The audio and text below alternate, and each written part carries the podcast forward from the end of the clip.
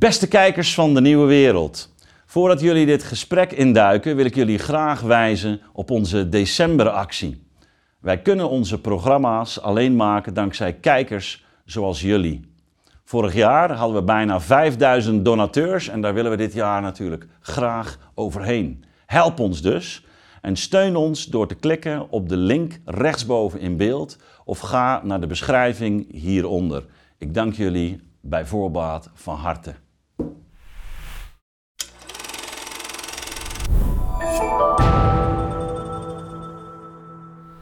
Beste kijkers, nog steeds welkom bij de, de Nieuwe Wereld, onze uh, eindejaarsuitzending op 30 december 2022.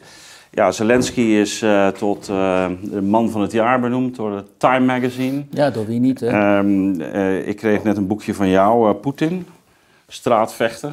Ja. Ondermijnt de wereldorde. Ehm, ik wil beginnen bij jou, Wiert. Uh, ja, de beste kijkers, want uh, ik ga met Wiert Duk in gesprek. Heb jullie nog niet aangekondigd. En uh, Govert Buis. Wiert, ik ga bij jou beginnen. Ehm, we willen terugblikken en we willen vooruitblikken. En laten we beginnen met inderdaad toch eens even terugblikken naar 24 februari was het, meen ik, hè?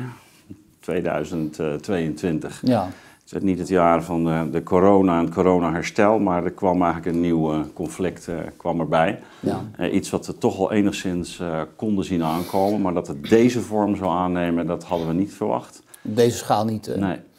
Dus de Amerikanen hadden het goed, hè? Die zeiden de hele ja. tijd van, ja, ze gaan binnenvallen, een massale invasie. Ja. En de Europeanen hadden nog zoiets van, nou... eerst maar zien. Eerst maar zien. Ja, en die nacht toen gebeurde dat. En dat weet ik nog goed, want ik werd gebeld door uh, WNL. Uh, voor Goedemorgen Nederland. Zo van, ja, het is, het is begonnen. Ja. Hè? Zo gaat het dan. En uh, of ik daar kon aanschuiven in die uitzending. Ja. En toen kreeg ik onmiddellijk ruzie met Ant ten Broeke. want omdat ik tegen hem zei van, ja luister eens. Um, het Westen draagt hier natuurlijk ook schuld. Hè? Ik bedoel, niet voor die invasie. Maar wel voor het ontstaan van dit conflict. Daar hebben we aan bijgedragen.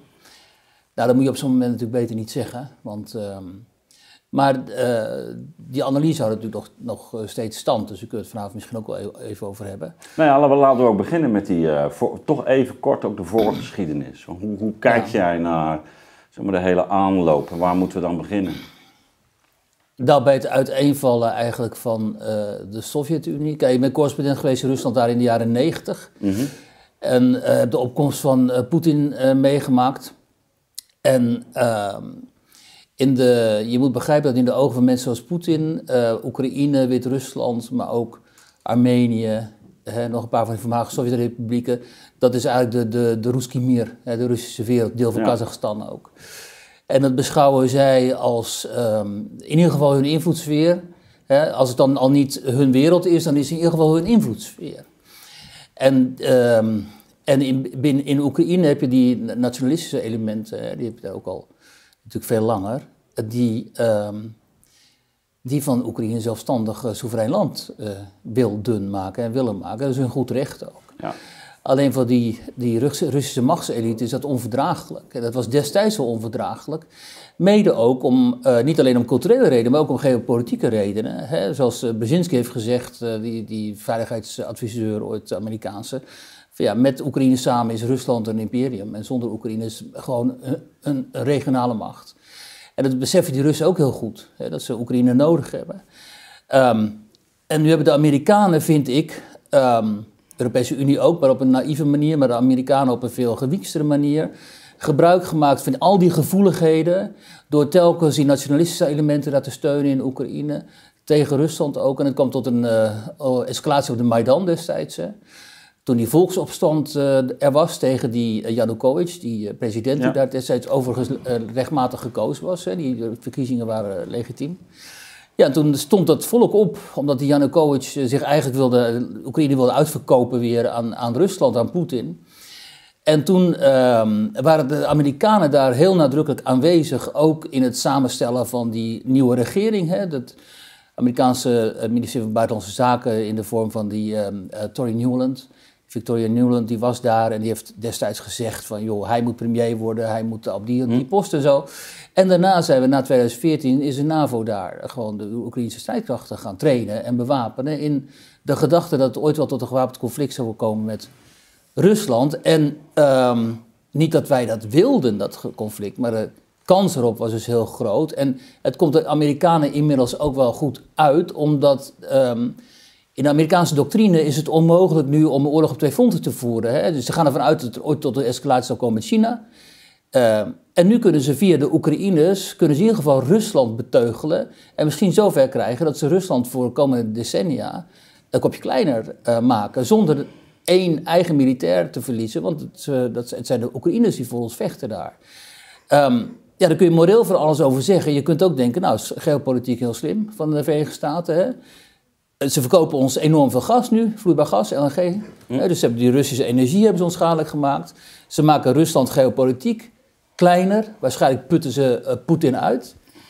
Ze hebben verder niet de, de burden van die oorlog, want die dragen wij hier. Hè. We hebben een energiecrisis en we vangen al die vluchtelingen op. Um, en ze hebben ook nog eens een keer uh, hiermee de NAVO veel sterker gemaakt. Omdat iedereen nu ervan overtuigd is dat de NAVO belangrijk is voor het verdedigen van onze veiligheidsbelangen. Dus dit is uh, voor hen een winnende situatie. En daarom denk ik ook dat zij heel lang zullen aarzelen om Zelensky ertoe te bewegen om tot, te gaan onderhandelen.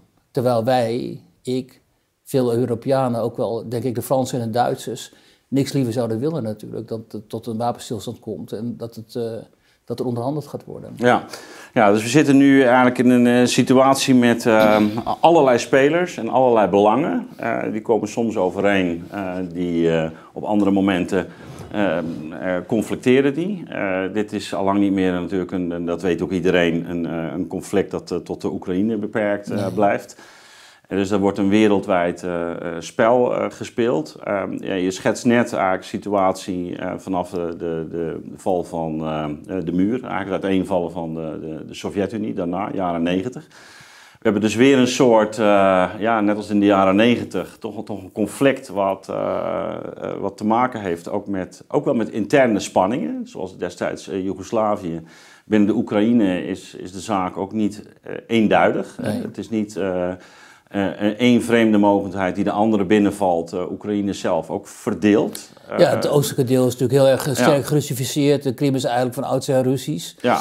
En je hebt daar gewoon, je had daar hele duidelijke pro-Russische sentimenten binnen de Oekraïnse politiek. Ook. Ja, nee, ik heb ook de afgelopen uitzendingen ook wel eens dat boek van um, die, the, the, Tragedy of Ukraine genoemd. van, um, van Nikolai Petrov.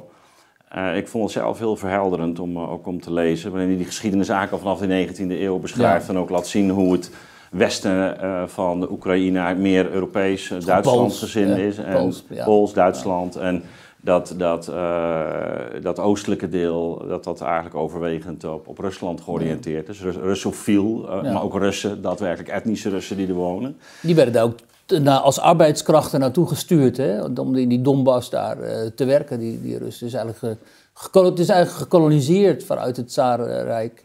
En, en, en die geschiedenis gaat natuurlijk nog weer verder terug. En dat, dat maakt ook het verhaal wel iets complexer. Natuurlijk, Rusland heeft een hele lange geschiedenis. Nou ja, dat klopt. Kijk, als je het hebt over het westelijke deel, hè, je, dan, dan kun je, kom je niet eens rond die Pools-Litouwse geschiedenis heen. Maar dat, als je dat hier te, op tafel legt, dan gaan mensen helemaal niks meer van begrijpen. Nee. Maar je moet dus wel, wat jij zegt, heel goed begrijpen hoe enorm ingewikkeld het is. En het interessante is dat hier dus heel veel spelers actief zijn. En dat je nu die geesten uit het verleden weer ziet opduiken. Omdat bijvoorbeeld de Polen en de Balten, de Litouwers, ja. de Balten, heel actief zijn in dit conflict. Omdat die oude sentimenten, anti-Russische sentimenten ook, of de angst voor Rusland, laten we het zo zeggen. Dat speelt allemaal weer op. Ja, maar dus we hebben die verdeeldheid binnen de Oekraïne zelf. We hebben die uh, Oekraïnse uh, geschiedenis. En we hebben vervolgens uh, eigenlijk de bu buitenlandse mogendheden die zich daarin mengen. En je verwees al even naar uh, Victoria Newland. Die zit er volgens mij vanaf 2001 al in dat, in, in dat gebied. Ja. Uh, CIA is er. Die man van haar, wat een hele belangrijke ja. neo, neocon Havik is. Ja, dat is de, dus Amerikanen hebben er een, evident ook, ook belangen. Ook, en wat je denk ik heel mooi schetst, is, is dat, dat zij eigenlijk bij dit conflict op ja, verschillende, je zou kunnen zeggen, kaarten een, nu ja, een stap vooruit kunnen, kunnen zetten. tegelijkertijd zien we hoe Rusland natuurlijk ook zijn spel speelt. Uh, ook een geschiedenis heeft die niet altijd even prettig is geweest in de Oekraïne. Hè? Dat, eh, laat dat ook maar duidelijk Denk zijn. Denk maar aan die massale hongersnood uh, destijds. absoluut. Dus, dus dat er ook anti-Russische sentimenten spelen in de Oekraïne begrijpen we denk ik ook Dat is vanzelfsprekend. Ja. ik, met, met Govert heb ik begin van het jaar, ik denk in maart al, hè, een gesprek gehad. Ja, heel, heel, heel, heel, vroeg al. Ja, ja. waarin jij zeg maar ook de, laten we zeggen, de, de, de strategi het strategische vraagstuk ook ook uh, benaderd. En ook gezegd ja, hoe, hoe, Rusland eigenlijk zich ingeklemd voelde door, door de NAVO. En dat jij zegt, ja, eigenlijk, eigenlijk kon je gewoon in de, de biografie, maar ook in alle lezingen die Poetin heeft gegeven, wel al zien waar die, waar die op uit was. Ja, dus uh, bij Wier lijkt het net alsof het uh, allemaal bedacht is in Washington. Dat, uh, dat mm. gaat bij wat ver. Ehm, er is heel duidelijk ook een eigen ontwikkeling bij Poetin geweest. Ehm, van een eerste oriëntatie in de eerste jaren toch min of meer op het Westen. proberen zelfs, nou ja, gekscherend serieus enzovoort zeggen van Rusland kan ook wel lid worden van de NAVO. Hè? Dat zou ook. Uh, dat was bij Gorbachev ook al, hè? het Europees dat, huis, dat, hè? dat idee het, van het, een. Het, idee van eigenlijk zijn we nu. We stonden in het uh, ideologisch tegenover elkaar in de Koude Oorlog. Wij zijn nu, hebben wij nou, dit afgezworen, we hebben het communisme afgezworen. Nou horen we eigenlijk bij, bij, bij jullie. Hè? Dat was zeker bij, bij Gorbachev. Maar ook Poetin heeft dat soort uitspraken in het begin ook, ook, ook gedaan ja, begin 2000 hè, was en, dat. En, maar ik kreeg natuurlijk duidelijk wel te verstaan uh, dat dat er toch niet in zat. Uh, en dus uh, daar werden misschien wat, hè, er zijn wat beloftes gedaan, er zijn wat verschillende interpretaties over enzovoort. Maar puntje bij paaltje kwam er toch gezegd, jij, ja. bent, jij, bent, toch Rusland, wij zijn het, het, het, het, het Westen.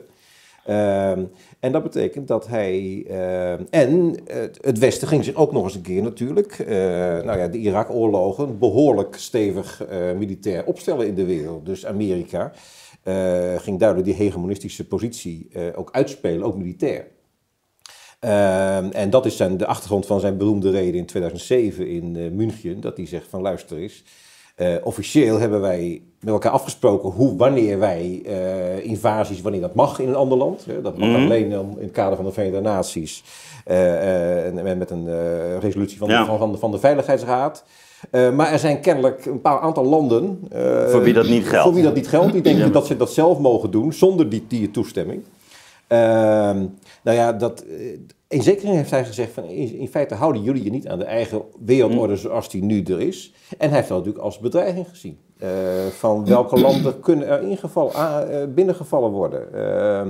Uh, dat is nu in het Midden-Oosten, maar het Midden-Oosten is ook vlakbij. je gaat ook, waar, waar, waar stopt dit eigenlijk? Hè? En uh, vanaf die tijd heeft hij ook duidelijk een, een, een, strategie gevolgd. Waarin hij zegt van nou, ik moet ook het, het Westen proberen in een soort van containment van mij. Ik ga ook het containment van het Westen. Ik ga, ik ga een soort van eigen. Uh, de, de, de, gebieden die bij mij horen, die ga ik ook daadwerkelijk zorgen dat ik die ook daadwerkelijk pak. En Kijk. duidelijk uh, vastleg. Uh, en ja, Oekraïne was natuurlijk de meest harde schil, wat dat betreft. De meest, de, de, de meest harde nood om te, om te, om te kraken. En dat heeft hij uh, zeker natuurlijk nadat die Maidan-revolutie er was. Dat hij van dit, dit gaat fout in Oekraïne. Dan, uh, hij had zelf ook al met zijn interne opstanden te maken gehad in Rusland ja. zelf. Hè? Van waar, waar stopt die ver, ver, verwestering? Uh, en, en dat is het moment geweest dat hij zegt van nou, ik ga in ieder geval zorgen dat de Oekraïne, en dat had een duidelijke geopolitieke, of dat de, de Krim pak, dat heeft een hele duidelijke geopolitieke, heb ik toen uitgelegd, een hele duidelijke geopolitieke betekenis. Uh, toen nog niet openlijk een inval overigens. Het ging net met van die mannetjes, en die, zonder echt of officieel Russische soldaten enzovoort. Uh, dus kennelijk had hij nog zoveel, ja, Schroom. schroom om het te doen. Uh, uh, maar tegelijkertijd, nou ja, toen kwam 2000, uh, de, de, ook, ook 2014 de, de, de Maidan-revolutie. ja, vanaf die, die tijd wordt het natuurlijk, zijn er afspraken gemaakt, ook natuurlijk over Oost, Oost-Oekraïne. Ehm, die zijn, nou ja, niet nagekomen. kwalijk nagekomen eh, enzovoort. Ehm, en hij is zelf duidelijk ook, heeft hij zijn eigen ontwikkeling doorgemaakt. In de richting van eigenlijk de grote hè, geopolitieke tragedie van de, van, de, van, van, van de 20e eeuw. Die moet toch enigszins hersteld gaan, gaan worden. En Rusland moet zijn eigen positie als wereldmacht weer in gaan nemen. Kijk, hij Eh, kwam vanuit... ehm, hij kwam vanuit die Tsjetsjeense oorlogen eigenlijk. Ja. Althans, die eerste Tsjetsjeense oorlog, Ja, die had ja. Rusland verloren. Verloren, ja. En al deze spelers waren daarin actief ook. Dat weten heel weinig mensen. Maar bijvoorbeeld de Tsjetsjeense strijders, dus de jihadisten, werden opgevangen in Turkije en daar verzorgd. Vanuit de Baltische landen was er heel veel steun voor die rebellen ook. Eh, iemand als Aslam Asghadov, destijds president en zo, die was gewoon op... op de- ik heb die man nog eens een keer gebeld voor een interview. Dus zat hij gewoon in Riga in Letland, weet je wel. Dus ehm, ook de Polen. De Polen waren heel erg Tsjetsjeens gezind. En dan het Tsjetsjeense verzet. Ja. Eh, terwijl Rusland, eh, ik bedoel, dat, dat, die Tsjetsjeense opstand had geen enkele legitimiteit natuurlijk. Dat was gewoon, eh, eh, er was wel heel veel sympathie voor in het Westen, maar het was een stel criminelen, eh, eh, eh, drugsmokkelaars, ehm, eh, maffialeiders eh, met romantische verzetstrijders ook, hè, die de 19e eeuwse eh, oorlogen van de Tsjetsjenen tegen de Russen nog eens een wilden herhalen. en Zo.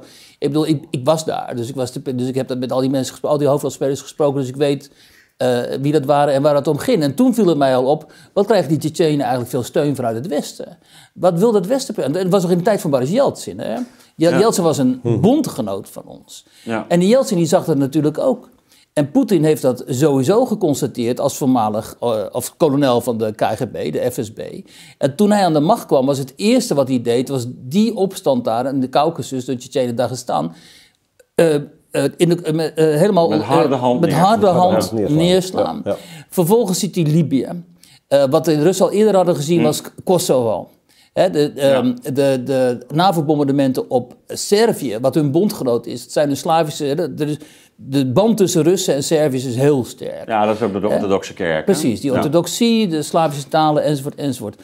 Ehm, dat hebben ze allemaal gezien. Want jij zei, ja, wie toen net alsof het in Washington bekokstoten is. Dat is niet zo. Ik wil duidelijk maken, hoe keken die Russen hier nou naar? Mhm, ja, precies. Die zagen dus dit allemaal gebeuren. Die zagen die openlijke steun aan die rebellie bij hun op de Caucasus. Die zagen ons, zeg maar, ingrijpen in Libië. In, eh, wat tot totale chaos heeft geleid, geleid in Kosovo. Die zagen de NAVO eh, zich uitbreiden tot aan hun grenzen. En telkens zei eh, Poetin, en dat heeft, kwam toen inderdaad tot een schitterende apotheose toen in München. München, ja. Het, eh, doe het niet. Tegen Condi Rice zei hij letterlijk, je speelt met vuur. Tegen al die mensen heeft hij gezegd, je speelt met vuur. Doe het niet, ik heb mijn grenzen. En in hun ogen ging het Westen maar door met die provocaties. Eh, tot uiteindelijk eh, het Westen ook zijn eigen zetbazen had... In Georgië bijvoorbeeld, die Michail, Michail eh, Saakashvili, die daar president werd, hè, toen Rusland binnentrok in 2008. Dat was gewoon Amerikaans opgeleide jurist. Dat is gewoon een zetbaas van de Amerikanen geweest ook. Hè. Verder een prima vent. Nou ja, prima vent, hij is gewoon een kierenwiet. Maar destijds, was het een prima vent. De- de- en ook wel de hoop van de jonge generatie en zo. Maar het was duidelijk waarom hij daar zat. Ook om Rusland te provoceren. Hè, dus al, al dit soort ehm, eh, ontwikkelingen moet je in ogenschouw nemen om de Russische reactie te begrijpen. Dat, dat pleit niks goed, dat pleit die invasie niet goed. Maar het, het maakt wel duidelijk hoezeer die Russische machtselite eh, zich bedreigd zag door het Westen. Ondanks dat wij zeiden, luister dus, dat associatieverdrag met Oekraïne is niet bedoeld om Oekraïne bij de EU te trekken. Nou, Hè, zie, zie wat er nu gebeurt. Hè. We willen niks liever dan Oek- Oekraïne zo snel mogelijk bij die EU. Eh, ondanks dat wij zeiden, ehm, er is geen free pass voor Oekraïne naar de NAVO. Maar het werd hem wel aangeboden. Hè. Ik bedoel, Merkel protesteerde nog en zo. In 2008, 2009 was dat, meen ik. Toen werd er gewoon openlijk eh, gesproken over Oekraïns en Georgisch lidmaatschap van Ja. de NAVO. Ja, Ja, ehm, dan, dan speel je met vuur. Eh, ik eh, hoorde onlangs een podcast, daar kwam Douglas McGregor eh, voorbij. Je, je kent hem Ja. waarschijnlijk ook wel. En ik, het, het, het heeft mij ook wederom ook wel weer op de ogen geopend. Hij zei ja, misschien is een van de grote vergissingen... is dat wij het hele proces in de jaren tachtig van de ontspanning... en vervolgens eigenlijk de opkomst van, eh van Gorbachev... en uiteindelijk zeg maar de, wat wij dan nu de val van de muur noemen... Eh, en met, met de, de, de, de, de- vervolgens natuurlijk het, het uiteenvallen, van de, uiteenvallen van de Sovjet-Unie, dat we dat geïnterpreteerd hebben als een overwinning Ja.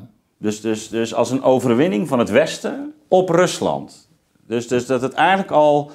Dus dat we de beweging die Rusland zelf maakte met Gorbachev, met die toenadering, dat we dat niet hebben gezien als. Oh, we, we gaan naar een, samen naar een nieuwe orde toe. Ja, het Europese Maar- huis. Hè, het Europese Ja. huis. Nee, we, we hebben ze op de knieën. Ja. En, en, en dus, dus hij zegt ja, dat, dat vijandbeeld is eigenlijk eh, blijven. Want ja, één had je nog niet hè, eigenlijk. En dat was Rusland. Bleef nog die kernmacht eh, enzovoort. Maar eigenlijk was het een overwinning. En ik, ik, ik heb me gerealiseerd, ja, zo, zo heb ik dat zelf eigenlijk ook wel een beetje Nou, gepercipieerd. en, en Dus- zo dus- denken die Amerikanen nog altijd in die ja, koude ja, nee, dus, dus, hè? dus, dus, dus ik, ik vond het een hele interessante benadering. En dat vanaf dat moment eigenlijk eh, het een kwestie was van... oh, dan gaan we dus al die gebieden die bezet waren... die gaan we dus als NAVO... oh, en zo trekken we op. Ja. En eh, dus dat dat eigenlijk van meet af aan toch heel eh, anta- antagonistisch is, is, is ingezet. Eh, Nou, je hebt die gesprekken van eh, Poetin met ehm, Oliver Stone. Oliver Stone. Hè, en ook, ook dat hij precies dat punt aanraakt. En eh, kijk, het gaat natuurlijk, we zijn natuurlijk vooral bezig om te, zeggen, van, te begrijpen hoe het zover gekomen is. Nou, heeft nog een heel ander verhaal hoe je er... Hoe, het, hoe je er nu te- op, op moet reageren op de situatie. Maar, daar gaan we het zo over maar. Maar, maar, Ja. hoe, het, maar hoe het zover gekomen is. Maar dan, dan zegt hij precies dat eigenlijk. Was, was, was Poetin ook daar? Hij is eigenlijk trots op die overgang. Waar, in welk land kan een Hm. totale politieke transitie maken van een één systeem naar een ander zonder bloedvergieten eigenlijk? Dat is, hebben wij in Rusland voor elkaar gekregen. Hè? Weet je, Hm. Ja, dat ja, ja. Daar was hij echt trots op. Hè? Eh, maar zo is het totaal niet, niet, niet Nee, gezien. Dat hebben de Russen niet gedaan. over- toch wij zagen het inderdaad als eh, ja, eh, de, in begin jaren Ja. 80 Nou, die gooit die militaire Star Wars enzovoort, die militaire uitgaven, die gaat hij enorm vergroten. En eh, Rusland heeft daar geen antwoord op. Hè. Die economie die, die, die, eh, die, eh, ver- verschrompelt. En het, het, het systeem stort in. Hè. Die oude geo, die geontocratie. Nou, dat was ook wel dat, een beetje dat, aan de orde. Dat was het beeld. Uiteraard Ja. was dat het beeld. Maar tegelijkertijd zou je ook kunnen zeggen, inderdaad. En dat, maar zo is het totaal niet geïnterpreteerd. Ehm, wel in een aantal Oostbloklanden overigens. Hè. Er wordt wel Ja. gezien, Polen heeft zichzelf hè, bevrijd. Hè. En Oost-Duitsland was een heel ander verhaal overigens.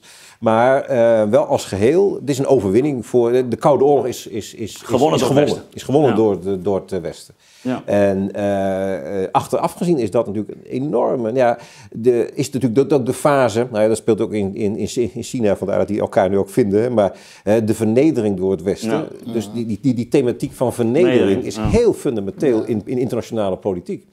En daar wordt eh, vaak veel te gemakkelijk over gedaan. Hoe, hoe Hegeliaans eigenlijk dit, dit in zekere zin is. die- dialectiek Die, die er- erkenningsthematiek. Hè? Dat, je, dat je echt serieus, dat je echt, echt op, je waarde, eh, op je waardigheid, dat die eh, erkend wordt. En die waardigheid is eh, nou, in de 19e eeuw ten aanzien van China door het Westen. En daar, daar, daar, spreekt eh, Xi nog steeds over.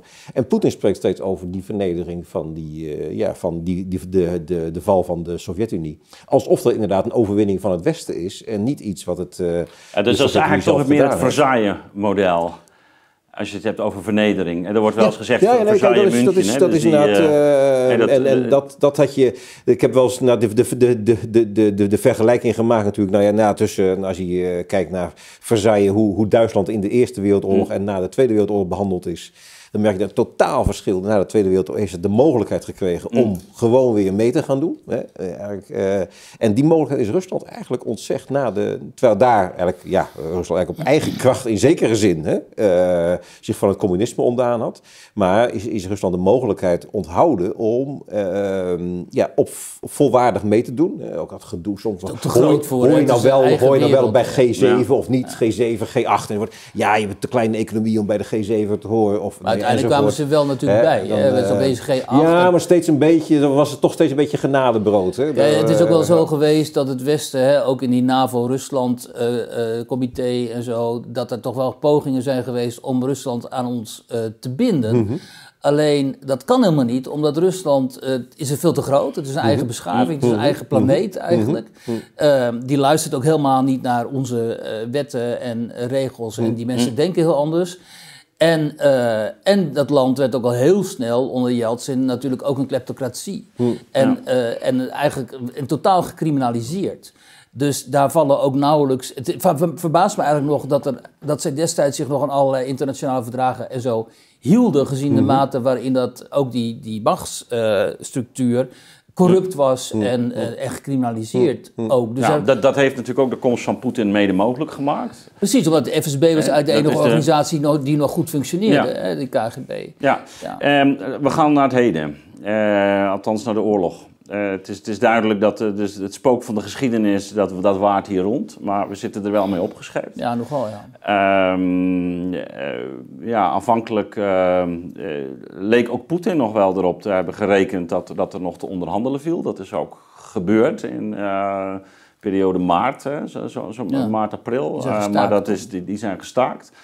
Um, ja, het begint er nu toch wel erg op te lijken dat dit een uitputtingsoorlog wordt.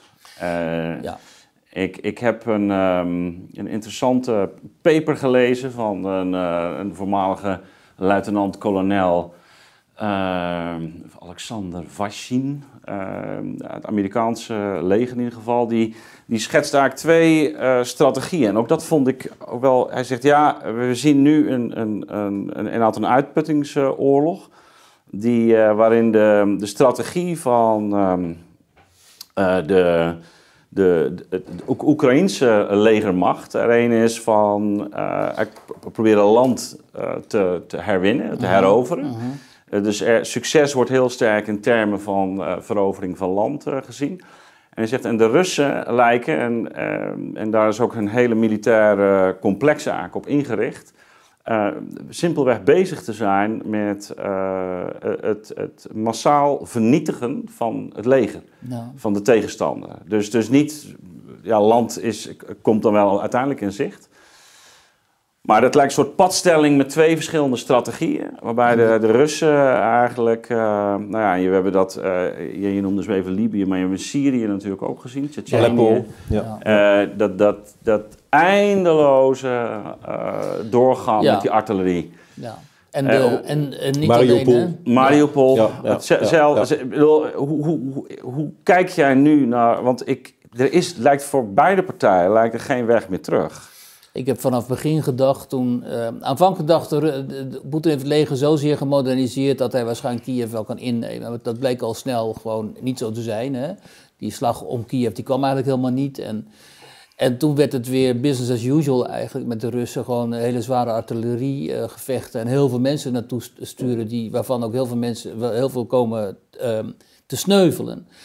En toen dacht ik al snel, ja, dit wordt gewoon uiteindelijk weer zo'n frozen conflict. Met de Russen die dan het oosten van Oekraïne hebben, mm -hmm. dus de, de, de Donbass en die regio Lugansk en zo. En de Krim. En, uh, en, en, en, de rest van Oekraïne blijft gewoon in handen van die uh, centrale regering in uh, Kiev. En daar ziet het nu ook heel sterk naar uit, omdat die fronten die bewegen nauwelijks nog. Uh, er wordt wel, uh, er is natuurlijk nog uh, heel veel artilleriegevechten zijn er gaande. En de Russen sturen zo eens in een week of twee weken krankzinnig veel raketten naar ehm, Oekraïne om die infrastructuur te vernietigen en zo. Maar ja, ze, um, ze, ze, hebben niet voor eeuwig natuurlijk munitie. En de Oekraïners ook niet, als wij dat niet blijven leveren. En zelfs onze munitiedepots eh, beginnen op te raken. Nou, Rusland heeft veel meer munitie dan wij. Ja, maar die, ze, hebben, hè, die, ze hebben die Iskander-raketten en die uh, andere raketten. En daar beginnen ze ook doorheen te raken. Dus uh, ik bedoel, die hebben ook. Het, het is, ze hebben, hebben weliswaar. Poetin heeft nu een oorlogseconomie opgetuigd. Maar ja, zo snel kunnen ze nu weer. Kunnen ze niet echt um, nieuwe voorraden maken, natuurlijk. Dus. Um, op een gegeven moment houdt dat op. En uh, wat mij eigenlijk uh, verbaast is dat er niet al lang veel meer druk wordt uitgeoefend op beide partijen. Ook vanuit de VN, hè, want de VN is hmm. totaal afwezig in dit conflict. Die zegt, jullie moeten gaan praten. En we moeten tot een oplossing komen hier die aan die, die partijen uh, recht doet. Ook aan die gerussificeerde inwoners daar in die in die uh, Donbass. Maar dat, dat, dat speelt totaal niet dit, omdat ik de indruk heb, en dat, dat hoor ik wel uit NAVO-kringen en zo, dat daar nog steeds gedacht wordt, ja, we gaan Poetin op de knieën krijgen. En dat is voor ons gewoon heel goed. Uh, ik, ik zie niet zo goed in wat daar zo goed aan is, omdat ik denk dat wat, wat na Poetin komt nog veel erger is. Hè. Misschien krijg je dan een fascistisch Rusland, of Rusland stort in en al die verschillende uh, deelrepublieken, een deel daarvan komt in opstand en die Caucasus staat weer in brand en zo. Dus ik zie helemaal niet in hoe wij daar voordeel aan zouden hebben. Um, maar de situatie is dus inderdaad zo. Een uitputtingsoorlog, uh, die fronten die, die verschuiven niet. En er is helemaal geen uitzicht op um, zinvolle onderhandelingen. En ondertussen eh, hebben wij hier in West-Europa, of in Europa, wel behoorlijk te lijden natuurlijk ook onder de, de consequenties van... eh, Ja, voor- vooral in eh, economische zin Ja. natuurlijk. Govert, eh, ik, ik sprak jou vandaag en je zei ja, maar er is ook nog wel een scenario denkbaar inderdaad waar wie het nu op, op, op hint. dat, dat, dat er ook binnen die Russische federatie spanningen eh optreden. Nou, ik las dit inderdaad eh, een aantal beschouwingen over dat inderdaad, eh, pas een paar dagen geleden is er zo'n, eh, dat is jaarlijks gebeurd, dat een informele bijeenkomst van een aantal van de leiders van de, van de federaties in, eh, in, in Sint-Petersburg vond het nu plaats. Ehm, en waarin Poetin duidelijk iets ge- geanceneerd had om eenheid uit te stralen. Hij had allemaal een ring gemaakt voor iedereen. En dan had hij zelf een ring, negen ringen uitgedeeld enzovoort. Eh, maar alleen Lukashenko wilde hem aandoen, die ring. En de andere. En de, de, de ceremonie was binnen vijf minuten afgelopen. En het was totaal als PR-moment eh, geheel mislukt. En er werd zelfs. Ook in de, slecht- in ook de, wel in de, slecht voorbereid in de, dan, hè? in de Russische pers werd daar zelfs, is daar zelfs, dat weet jij misschien beter, is daar negatief over gesproken. Of, een beetje uh, en, en wat gekscherend over gesproken.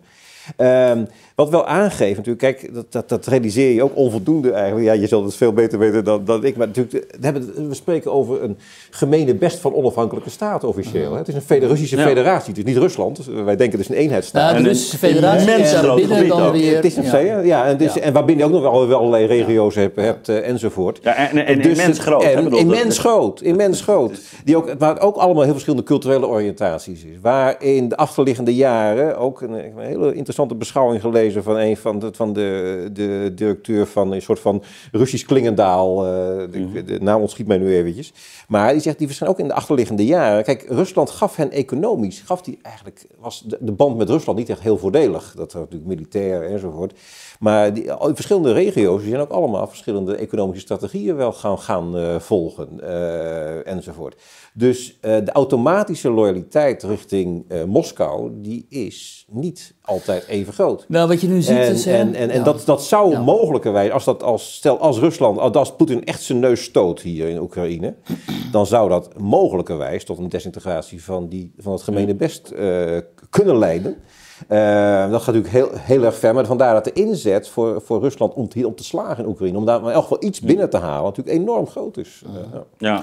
Kijk, je moet een verschil maken tussen die voormalige Sovjet-republieken. hè. Dus ehm, Ja. dan heb je Centraal-Azië, Centraal-Aziatische republieken, Turkmenistan, Kazachstan, noem maar op.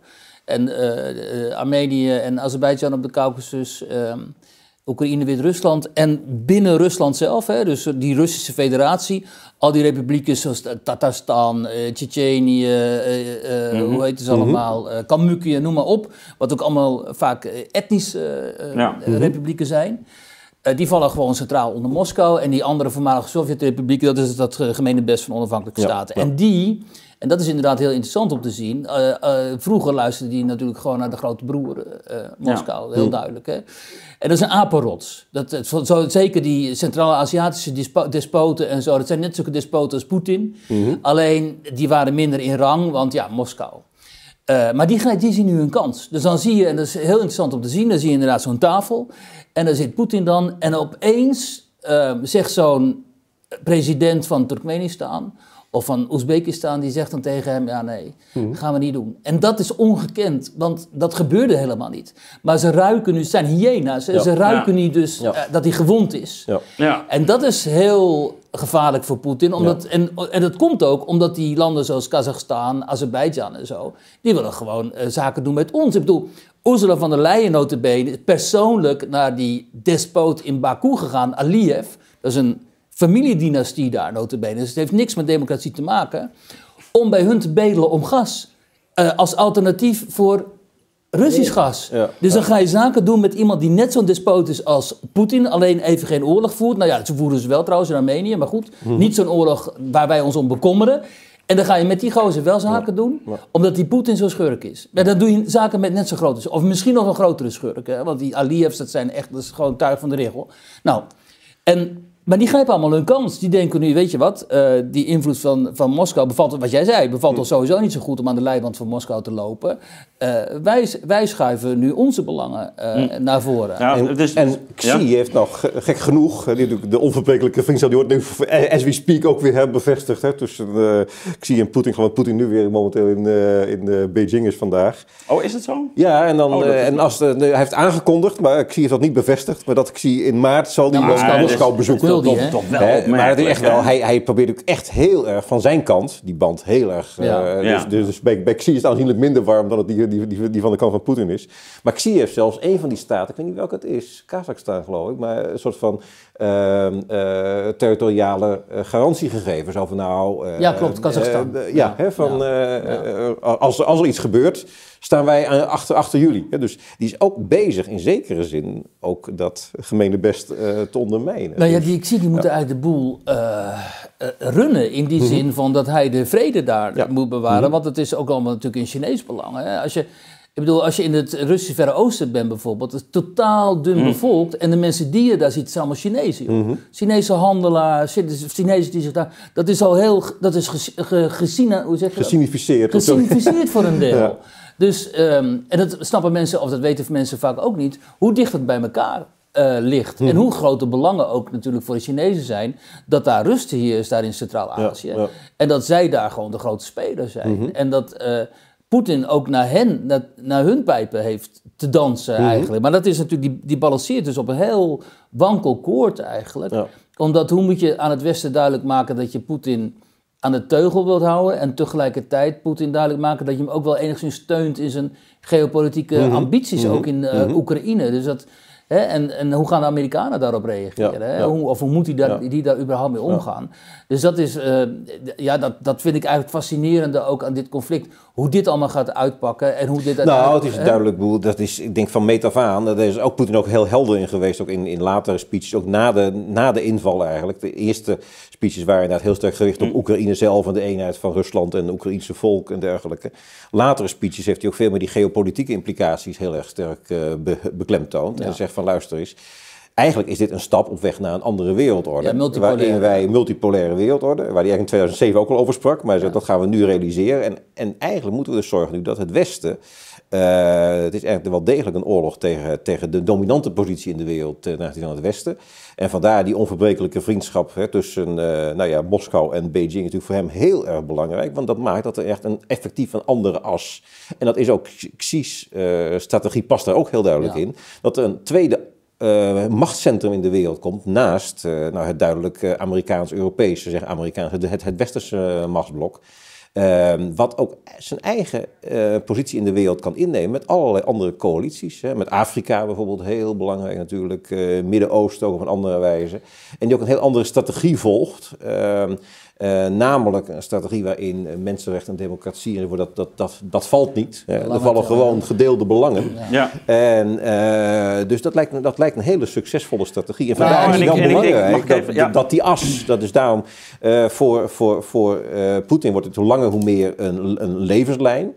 Ik denk dat het conflict in zekere zin voor Xi hoe langer hoe meer een blok aan het been wordt. Eh, dus die zal, ik vermoed dat die vroeg of laat toch wel enigszins zal proberen dit in te gaan eh, tomen.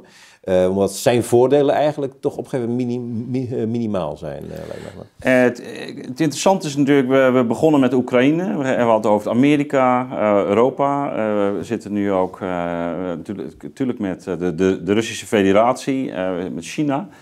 Ehm, zou, je nu, zou je nu kunnen zeggen dat eh, dit conflict op een bepaalde manier ook de, de westerse legitimiteit, waar het gaat om, laten we zeggen, de morele agenda, eh, toch ook veel verder onder druk zet. Dus wa- wanneer eh, Wierte spreekt over Ursula van der, van der Leyen, hè, maar wanneer we ook denken aan bijvoorbeeld plotseling contacten die, die worden aangehaald in het eh, Qatar. Qatar of... en ik, ik merk wel dat de, vanuit, vanuit de BRICS, maar bijvoorbeeld ook vanuit India, toch ook heel schamper wordt gedaan over het moralisme van Europa. Tuurlijk, ja. Van ja, dat is ook maar net zo lang het duurt. En, en ze lezen ons de les, maar op het moment dat het eh, erom spant, dan, dan zijn zij eigenlijk toch ook eh, schijnheilig. Nou, dat is Oh. wat Poetin eigenlijk dan eh, met die invasie wel, zeg maar, laat zien. Dat is dat het Westen weliswaar eh, de mond vol heeft natuurlijk over mensenrechten en democratie. En terecht, hè. En wij zijn ook het democratische deel van de wereld, althans dat willen we graag zijn. Maar ondertussen wij ook realpolitiek bedrijven en geopolitieke belangen hebben. En, ehm, en, eh, en in de, in de BRICS-landen, zoals jij zegt, heeft hij daar dan inderdaad ehm, hele dankbare, toe, toehoor, toekijkers. Want die zien dat ook en die, die Ja, het valt me heel erg op, hoor. met Dus, hem. Hè? In En- hun berichtgeving. Ja, en kijk, wij vergeten vaak dat die verontwaardiging over die invasie in Oekraïne, die delen wij hier in het Westen met elkaar, maar in de rest van de wereld gaat het leven natuurlijk gewoon door. En die nemen gewoon eh, grondstoffen van, van Rusland af en die ko- kopen, Rusland, die kopen eh, Russische olie. En eh, India eh, hè, die, die ver- verkoopt die olie vervolgens weer door eh, aan ons voor een hogere prijs. Dat is de realiteit. Daarom ook vind ik dat dit moet stoppen, omdat uit hoofde ook van, of uit naam van een soort moreel, morele superioriteit van het Westen, en die wordt dan dit nu gesymboliseerd door Oekraïne, ehm, laten wij ook die oorlog doorgaan in zekere zin. Althans, wij hebben, hè, Ursula van der Leyen heeft eh, letterlijk gezegd eh, voor- te- tegen elke prijs. Eh, maar kun je je eigen bevolking dat aandoen? En tegen welke prijs is dat? Nou ja, dat en, en, en moet je niet vervolgens dan dus de stappen nemen, ook bijvoorbeeld om economische redenen, waarin je weer gaat samenwerken met partijen die nou moreel niet, niet bepaald beter zijn. Of ja. misschien dan niet in het conflict zitten, maar eh, dan komen we toch aan op dat thema van realpolitiek, eh eh Govert. Eh, en Europa heeft natuurlijk, met name Europa, heeft natuurlijk eh, de laatste decennia heel sterk zich laten voorstaan op, op laten we zeggen, mensenrechten, eh, democratie. eh, en het, het lijkt toch ook alsof we nu zelf ook, ehm, nou ja, eh, eh, aan, aan, aan het einde van de houdbaarheid van, van, van die politiek is. Niet, niet dat je het Nou, allemaal ja, loslaat. dat, is, dat, is, dat, dat, is, dat, is, dat, dat is net de vraag. Ehm, kijk, ehm, het zou het makkelijkste geweest zijn als je nu inderdaad... Kijk, de, de, de echte harde belangen bij Oekraïne... die zijn natuurlijk best eh, te overzien. Hè. We kunnen makkelijk zonder Oekraïne. Dus je zou makkelijk kunnen zeggen... Van, joh, dat is het, het, je had het kunnen definiëren als een regionaal conflict... Je had het kunnen ha- han- ha- hanteren zoals eh, bijvoorbeeld eh, nou, zoals, zoals eh, op, de, op de inname van, van de is gereageerd. Er is nu heel anders gereageerd. Ehm, en je kunt zeggen van ja, eh, dat, dan, eh, dat, is, dat, is, hè, dat is natuurlijk heel makkelijk. Als je niet overal moreel bent, dan mag je het nergens zijn. Hè? Dat is natuurlijk altijd, Nee, dat is een hele makkelijke, daar heb jij ook mee te maken gehad geloof ik. Eh, maar dat is, dat is, eh, en dat is, dat is natuurlijk een drogreden. Hè? Eh, dus ik, dat, dat het Westen nu zegt van luister eens, hier heeft toch op enige wijze, heeft hier een volk democratisch. Daar kun je allerlei dingen uit, alle, alle nuances van dien. Hè? Maar eh, hier vindt nu een inval plaats die gewoon eh, volkenrechtelijk en democratisch gewoon niet kan. En wij zeggen hier nee. Wat ze bij de Krim niet gedaan hebben. Want ik denk, toen, die dingen ze toen... Nou ja, we hebben ook sancties getroffen. Ja, nauwelijks, nauwelijks. Dat was een Hmm. beetje symboolpolitiek. Terwijl tegelijkertijd wel ontzettend morele verontwaardiging. Daar heb ik me toen, Hmm. heb ik me zeer aan gestoord. Ik heb toen een hele kritische column over geschreven. Van je moet ofwel doorbijten. Hmm. Of je moet niet eh, gaan demoniseren. Van dit is helemaal fout enzovoort. Eh wees, we- wees erin helder. Nu heeft men een duidelijk andere lijn gekozen. Eh, en dat vind ik toch wel eh, nou, de, de moeite van het verdedigen waard, zeg maar, in de zin van. eh, som- en, dan, en dat je, daar, dat je ook, ook, ma- ook realpolitiek moet bedrijven. En dat je dus dan zegt van luister, eens, dan moeten we ook eh, met, met, met Qatar enzovoort. eh, ja, dat, je kunt niet zeggen, een volledig morele politiek is, is, is, is onmogelijk. Maar, als je het Maar helemaal- zeg als je- het- zeg je dan- als je het zeg je dan helemaal- de- als je het helemaal nergens Zeg- doet. Nee, maar ja. zeg, heb je het dan over de, la- laten we zeggen, de, de, de, in, de, het Westfaalse principe van de integriteit, soevereiniteit van de staat? Heb je het over de bescherming van democratie en mensenrechten? Dus, dus wa- wat is, hè, want bij Joegoslavië hebben we natuurlijk al heel snel bijvoorbeeld eh, de, de, de, de, de afscheiding van, van Kroatië. Duitsland Mhm. was volgens mij eh, al een er dag, een dag daarna. Als de kip hebben we eigenlijk dat hele principe van soevereiniteit helemaal niet eh, gehanteerd. Dat is een van de grote frustraties van Milosevic. hè. Dat heeft hij zelfs nog eh, tijdens het, eh, eh, het, het, het, het proces Ja. heeft hij dat nog. Ja. Dus, Ja. da- dus we, we meten ook wel een beetje met twee maten. Want je kan ook zeggen, ja. Ehm, hebben we hier eigenlijk ook niet voor een deel met een eh mensenrechten Ja, maar- scheidingen te maken Ja, in, Oost-Oekraïne bijvoorbeeld? Hè? Ja. Dus in, in hoeverre is dat nou helemaal zuiver op de graad? Ik bedoel, je, je kunt het zo verkopen, hè? Ja, maar helemaal, helemaal zuiver krijg je het natuurlijk niet. Nee, nee, Dus nee, maar je helemaal niet zuiver. moet- Je moet in die modderigheid moet je, moet je opereren. En dan kun je zeggen van, we laten elke overweging van mensenrechten en democratie laten wij zitten. Hè? Eh, en dat is ook een hele riskante strategie. Hè? Bijvoorbeeld, ehm, men was dikke vrienden ooit met, met, de- met, met de Shah van Iran. Hè? Bijvoorbeeld, hè. Mhm. Nou, dat heeft enorm veel kwaad bloed gezet. Sowieso, hè? De, de manier waarop het Ja. Westen in, in, in, in het Midden-Oosten eh, opereert. Dus juist voor bewegingen die iets anders willen. Dus ergens moet je toch denk ik, een soort van dubbele boodschap uitsturen. En, en dat is, uh, mooier krijg je het niet. Wanneer je zegt van als ergens een beweging is richting democratisering en mensenrechten, dan willen wij dat steunen. Uh, en eventueel gaan wij daar ook echt verder in dan, uh, dan, dan, dan, wij, staan, wij, wij willen er ook voor leiden eventueel. Maar wij kunnen dat niet in de hele wereld doen. Mm. Dat kan maar soms. Uh, en dan moet de gelegenheid sterk, daarvoor zijn. Hoe sterk was dat nou het motief? Ja, ik, ja, ik ja, ben benieuwd hoe jij er naar kijkt. Dus ook over wat, nou wat er in de Oekraïne... Je ziet het dilemma is. natuurlijk het mooist um, uh, terug bij de Duitse Groenen. Het is ooit een pacifistische, mm -hmm. uit de pacifistische beweging voortgekomen.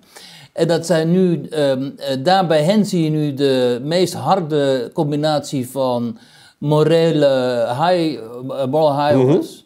En, en daaraan gekoppeld het sturen van wapens. Mm-hmm. Hè? Dus de, notabene de Duitse groenen, die ooit met Joschka Fischer een leider hadden, die ja. zeggen: Ik ben niet overtuigd nee. dat we Irak moeten binnenvallen. Hè? I'm not ja. convinced, zei hij toen tegen, uh, de, tegen de Amerikanen.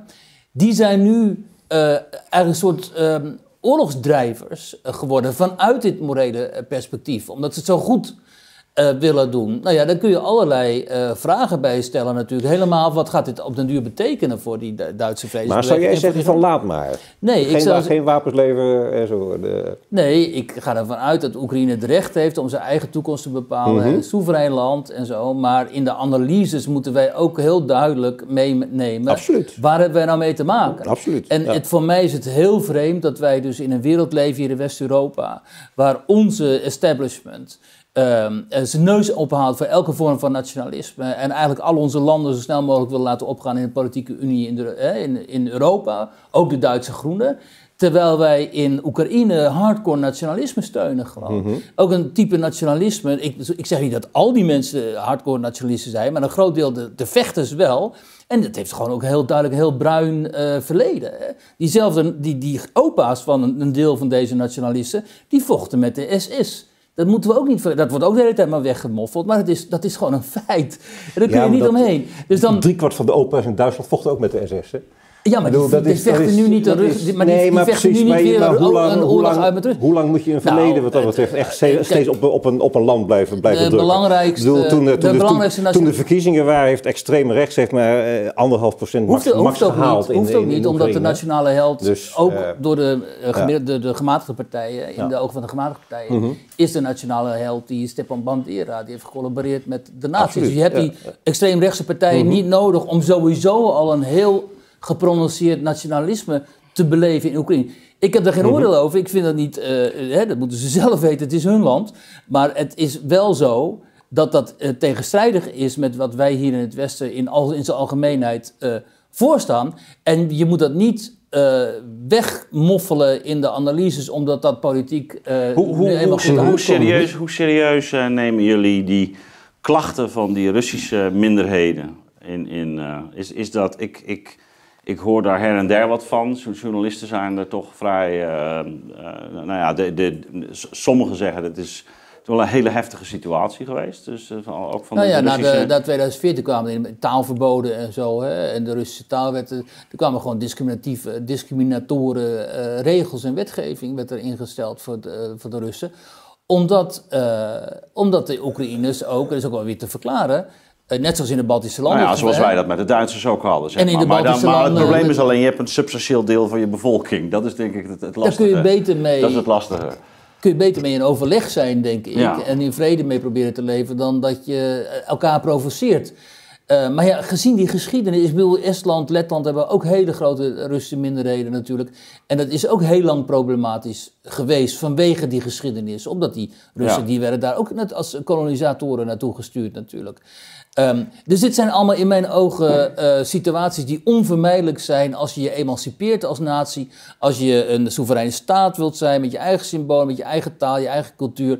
Dan krijg je heel snel al dit soort eh, problematiek. En dan gaat het erom, hoe, hoe ga je daarmee om? Hoe verstandig ga je erom? Zijn er mensen in jouw politieke elite die eh, die, die natie kunnen verbinden? Die die groepen met elkaar kunnen verbinden? En in Oekraïne zie je vooral, eh, vanuit beide groepen overigens, dat ze, eh, dat ze heel splijtend eh, Ja, nee, zijn. absoluut. Nou, dat, daar, daar begonnen we mee. En Nou je- ja, het is een, het is een beetje, het is, het is vanuit het, het Westen, tenminste, ik heb het na, na, eh, na de Krim, moet ik zelf ook eerlijk bekennen, nauwelijks meer, meer gevolgd. Het is een, voor, voor een soort van verwaarloosd hè, conflict geweest daar. Terwijl er duidelijk Nou, ook dingen... intern, hè, Intern, er is ook intern, intern echt- echt wel en vrij dat daar grote echt, problemen. echt dingen misgegaan zijn.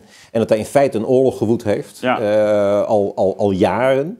Terwijl wij dat nauwelijks wilden zien, nauwelijks zagen. eh enzovoort. Nou ja, dat- en dat- dat en, maakt en, dat ik- en dat, dat- dat, dat maakt natuurlijk de situatie dus, dus, dus, dus dat maakt het ook wel duidelijk anders nu. eh, de situatie erheen. Dat je zegt van nou, het is een, eh, maar dat, kijk, de, de, de, de inval nu die gaat natuurlijk veel verder Ja, dan, dan, ja, dan, dan, dan, absoluut, de, dan, absoluut. dan de bescherming van deze minderheidsgroepen. En, en als dat het verhaal geweest was, dan had je denk ik ook nog sneller richting mogelijkerwijs een akkoord kunnen worden. Maar het is een heel ander verhaal geworden. Het is natuurlijk echt. Eh, ik denk dat de, de, de oorspronkelijke bedoeling van Poetin was wel degelijk. Ik pak de hele Oekraïne. Hè, Daar was hij ook heel, heel, heel, heel, heel, heel helder in. En dat waren ook de, de verschillende bewegingen strategisch die hij maakte in het begin. En die gingen veel verder dan dus echt weer de Russificatie van, van, van, van, van Oekraïne. Ja, dat en, eh, en dat was zeg maar gezien de, het, inderdaad het langslepende conflict waar echt iets, moest gebeuren, was dit een volstrekte overkill natuurlijk. En, en, en, en dat maakt nu weer natuurlijk dat de situatie omgekeerd. Dat men zegt van ja, nu eh, er is niets meer mo- mogelijk als niet eerst Rusland volledig weg is uit Oekraïne. Wat volgens mij ook een volstrekte utopie Ja, is. we moeten, we Ja. moeten, we moeten gaan eh, eh, afronden. Eh, wil ik eh, toch met een, eh, een, een vo- vooruitblik, eh, hoe moeilijk ook, eh, 2023.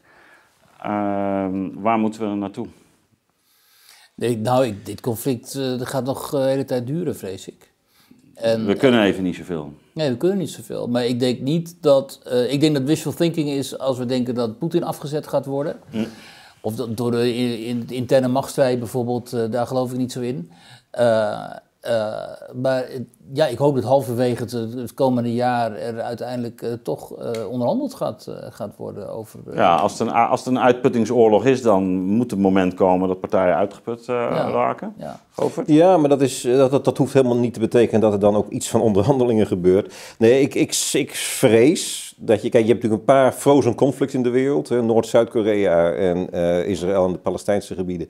Waar eigenlijk nooit echt een vredessituatie komt. Ja. Ik denk dat dit een warm frozen conflict wordt. Ehm, waarin dus, zeg maar... Ik denk, qua land zal het op een gegeven moment... Nou ja, zal het ongeveer padstelling ontstaan. Maar tegelijkertijd wat nu Poetin aan het doen is, dat kan hij heel lang volhouden. Gewoon zorgen dat de rest van Oekraïne heel onplezierig wordt om, in te, om, in te, om te wonen. Dus hij zal nooit zeggen van ik ga geen raketten meer sturen. Dat kan hij altijd blijven doen. Dus hij kan de, de rest van Oekraïne kan die gijzelen, zeg maar. En eh, dat kan heel lang, heel lang duren. Waardoor gewoon, ja, misschien uiteindelijk het moreel toch breekt bij Oekraïne. Of mensen toch langzamerhand zeggen, van, ja, ik ga een toekomst toch elders opbouwen, eh, enzovoort. Maar waarin dus eigenlijk het idee dat een zelfstandig, soeverein Oekraïne zich kan ontwikkelen als een soort van westers georiënteerde natie, dat dat eigenlijk effectief voorkomen wordt. Dus ik, ik denk dat zo'n scenario van een ja, soort van warm, warm frozen conflict, wat decennia kan duren. Denk ik. Ik denk niet dat het Ja, heel nou, dan snel... komen we eh, ik, toch denk, ik, uit ben niet, bij ik de- ben niet een heel positief Dan komen we uit bij de eh, tragedie van Oekraïne. Dus. de tragedie van Oekraïne. Ja. ja, ja, ja. Goed, ehm, heren, hartelijk, hartelijk dank. Ehm de, eh Wiert gaat nog eventjes eh, eh, verder in gesprek met eh, Willem. Oké, Ja. Oké, Hartstikke tot- goed. En tot straks. Ja. Ja, oké. dankjewel. Ja, ja. bedankt. Ja. Wij gaan hier weer snel ombouwen voor de volgende eh, ronde. Dat is alweer de voorlaatste. Dan gaan we het dadelijk hebben over het eh, eh, globale financiële systeem. Onder andere Hester Mai schrijft eraan, George van Hout, zoals jullie hoorden in het begin, Paul Buitink. Die komen nu langzaam allemaal binnendruppelen. In de tussentijd mag ik nog even Wiert Duk hier naast mij uitnodigen. dat werd even ingewikkeld. Ja, maar, dat is- Ja, Met die microfoons is altijd een beetje een draadje. Inmiddels eh, helemaal geïnstalleerd. Wiert, fijn dat je even komt zitten. Ik heb wat mooie vragen voor jou eh, vanuit, de, vanuit de commentaren even bij elkaar opgeteld. En het leek me leuk omdat het op het laatste ook ging over een beetje de opvolging vanuit Poetin.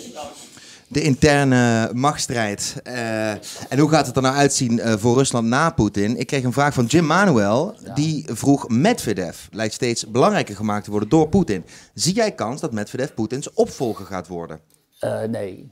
Nee. die Medvedev is eigenlijk een soort poedel. Die af en toe wat rare dingen mag twitteren en zo. Maar die mo- moet je niet serieus nemen als eventueel opvolger van Poetin. Eh, als, als het al tot een machtsstrijd zou komen, dan moet je veel meer denken dat er uh, iemand zal opstaan vanuit de veiligheidsdiensten of vanuit de strijdkrachten. Of misschien die uh, Prigozhin, die man die dan de, die Wagner-groep, die Huurlingengroep ja. uh, leidt. En die laat al steeds meer van zich horen en die profileert zich al steeds meer als een soort van sterke man. Maar zelfs over hem denk ik niet dat hij Poetin zal, dat hij een poets tegen Poetin zal op gaan zetten of zo. Ik denk dat eigenlijk Poetin nog veel steviger in het zadel zit dan heel veel mensen vermoeden. En Nee, um, dat is in Rusland wel vaker zo. Hè? Dat, eh, de sterke man in het Kremlin, die krijg je niet zomaar weg. Nee, dus die zal ook echt wel aan zijn macht blijven vasthouden. Nog voor de voorziene, voorzienbare tijd. ja. Eh, nou, daar hoor je Jim Manuel. Ehm Medvedev, die heeft, eh, daar hoef je niet te veel van te verwachten. De naam die je noemde was op het laatst Eh, de, Van de Wagnergroep, eh, eh, Prigozhin heet die man. Prigozhin. Ja. Dus eh, dat even googlen misschien, eh Jim Manuel. Eh, ik kreeg ook nog een vraag binnen van Fiona, vond ik wel een leuke vraag. Als je met één politicus uit Den Haag een gesprek zou kunnen voeren over het Oekraïne-conflict, met wie zou dat dan zijn? Denk je dat er überhaupt iemand binnen zit met wie je daar een interessant gesprek Nou ja, het probleem met, ook met mensen in Den Haag die zich uitspreken over het conflict is dat ze eh, vaak eh, k- eh, eh, weinig van de context Nou, precies, weten ja. en, en die regio niet zo goed Ja. kennen. Het dus zo hier ter plekke schiet mij eigenlijk helemaal niet iemand te, te binnen. Ik zou wel Sjoerd Sjoerdsma van D66 die niks liever wil dan daar ingrijpen militair. En ik geloof dat hij ook het liefst daar zelf aan het front zou gaan strijden. Misschien dat ik Sjoerd Sjoerdsma eens een keer zou moeten spreken, zou Ja, moeten precies. uitleggen dat je, dat je als je Rusland wil provoceren, dat het vooral moet doen, maar dat je dan ook voorbereid moet zijn op decennia van eh, strijd. Op de blaren zitten. Ja, dat is een heel merkwaardige gedachte. Dat zo'n gigantisch land als, als Rusland, ik bedoel, je vliegt van Moskou via iets een aantal, 6, 7, 8 tijdzones, vlieg je naar het eh, oosten van het land en ben je 10 uur onderweg. Dat je zo'n land, wat gewoon een totaal, dat is geen land, dat is een deel van de, heel deel van de wereld, dat je dat op de knieën zou kunnen krijgen. Ik bedoel, dit hebben Hitler geprobeerd en Napoleon en anderen ook. En het gaat gewoon niet ge- gebeuren. En het gaat ook D66 niet eh, lukken, vrees ik. Nee. Dus dat soort retoriek, ehm, ja, daar verbaas ik me altijd heel erg over. Dus dat zou een stevig twistgesprek worden tussen jou en eh Sjoerd Sjoerdsma. Misschien iets wat we ook ooit op dit kanaal kunnen organiseren, jongens. Nou dat ja, zou eh, super zijn. Vooral storten dan, wie weet. Even kijken hoor. Ik kreeg ook nog de vraag van Solarfan. Dat is ook een vraag over hoe denkt jij over de visie van Rob de Wijk over het eh, conflict? Is dat niet iemand uit Den Haag? Ja, ik, ver, ehm, nee, ik luister trouwens naar de podcast van eh, Rob de Wijk en uh, Arantje Boekenstein. En ik verbaas me erover dat ze echt elke dag eh, weer iets kunnen vertellen over een front dat nu weer 50 meter is opgeschoven naar links of 100 meter naar rechts en zo. En hoeveel raketten er precies zijn afgeschoten en hoeveel raketten Rusland nog heeft en zo. En dat vind ik sowieso een beetje verbazend in dit conflict, dat in één jaar zijn er allerlei... eh, en dan heb ik het niet over Rob hoor, maar ook eh, op de sociale media allerlei experts opgedoken die opeens alles schijnen te weten over Oekraïne en Rusland en over wapensystemen. En ze weten precies ehm, welk wapensysteem wat doet en zo. En ehm, welke, welke modellen tanks de Oekraïners nodig hebben en zo. En dan denk ik, ehm, ga er even boven hangen en kijk even wat, wat hier geopolitiek gaande is. Ja. En of die troepen nu 100 meter oprukken eh, of, of niet, dat lijkt me op zichzelf ehm, iets minder belangrijk. En ik, ik vind het ook heel vreemd ehm, om een soort genoegen te zien, ook bij heel veel mensen, dat ze zich hier ook in militaire eh, termen over kunnen eh, uitdrukken. Alsof ze het ook wel fijn vinden of zo, of eh, opwindend vinden dat daar zo'n bijna. oorlog wordt gevoerd. Ja, ja. Terwijl oorlog, ik heb nogal wat oorlogen mogen eh, verslagen als journalist. En ik moet je zeggen, het is niet fijn om al die mensen te ontmoeten met afgerukte ledematen en over de lijken te moeten lopen. En ik bedoel, dus het ergert mij ook, laat ik het zo zeggen. En het ergert mij ook dat niet veel meer mensen zeggen, jongens, ehm, dit moet stoppen. Dit kan helemaal niet in Europa, een beschaafd deel van de wereld. En er moet veel meer druk uitgeoefend Ja. worden op die, op die partijen daar, ook vanuit de Verenigde Naties. In plaats van dat wij denken dat als wij lekker doorgaan met die oorlog, eh, dat we dan Poetin wel op de knieën krijgen en zo. Want dat gaat toch niet gebeuren. Nee, nee. Zijn er zo tot slot misschien eh, bronnen die jij op de voet volgt, die jij ook onze kijkers zou kunnen aanbevelen op dit conflict? Nou, ik kan vooral eh, Julia Davis aanbevelen op Twitter. Dat is een Amerikaanse medic die de, ehm, eh, de Russische eh mainstream media goed bijhoudt. En vooral de nationale televisie. Ja. En dat ondertitelt zij ook. En dan laat ze telkens, dat is leuk voor kijkers die geen Russisch spreken, laat ze telkens allerlei fragmenten zien uit die Russische talkshows. Ja. Waarin eh, het gewoon onomwonden, onomwonden wordt opgeroepen om dan weer Londen eh, met een nucleair wapen te, aan te vallen. Of dan weer een atoombom op Rotterdam te gooien en zo. Dus dan zie je die volstekte gekte van die samenleving en de psychopathie ervan ook. En ik heb- dat is in het gesprek net even niet aan de orde gekomen, maar dan moeten mensen zich wel goed realiseren. Rusland is echt een heel erg zieke samenleving. Dus echt misschien wel een van de meest zieke samenlevingen in de wereld. Ik bedoel, decennia geleden hadden we Liberia, weet je nog, met Ja. die... Hè? Nou, Rusland zit eh, ongeveer in, aan die grens. Dus dan heb je echt te maken met een, een, wat we een soort van psychopathisch eh, bewind eh, zouden kunnen noemen. En vooral die media maken zich daar ook ernstig schuldig aan. Eh, d- en om dat te begrijpen moet je even dat account gevolgen. Dan zie je wat voor gekte daar is. Dat is echt ongelooflijk. Dan sta je echt met je oren te klapperen af en toe. Nou, dat moeten we inderdaad eh, gaan bekijken. Kijk, jullie horen het thuis. Dat kan je zelf op YouTube kan je dat ook vinden. En op Twitter wordt dat ja. regelmatig. Ja. precies. Wiert, ik wil jou hartelijk danken. Fijn dat je nog even Dankjewel. kwam aanschuiven. Neem nog lekker een oliebol boven. En eh, geniet nog even van de avond. Ja, en bedankt voor de vragen. Ja, dankjewel voor het antwoorden. Oké, Hey, dankjewel hè. Ik dankjewel. denk dat Dirk komt jou even ontkoppelen. Hartstikke goed. Ik ga gaan lopen nou. Wij zijn bijna zover, denk ik, Dirk, of niet? Eh, hartstikke goed. Dan kan ik zo langzaamaan het woord gaan overdragen aan Marlies. Die gaat met Paul Buiting, George van Houts en natuurlijk eh Hester Bice het hebben over de economische situatie. Niet alleen in Nederland, bijna in de hele wereld. Marlies, ik draag het over aan jou.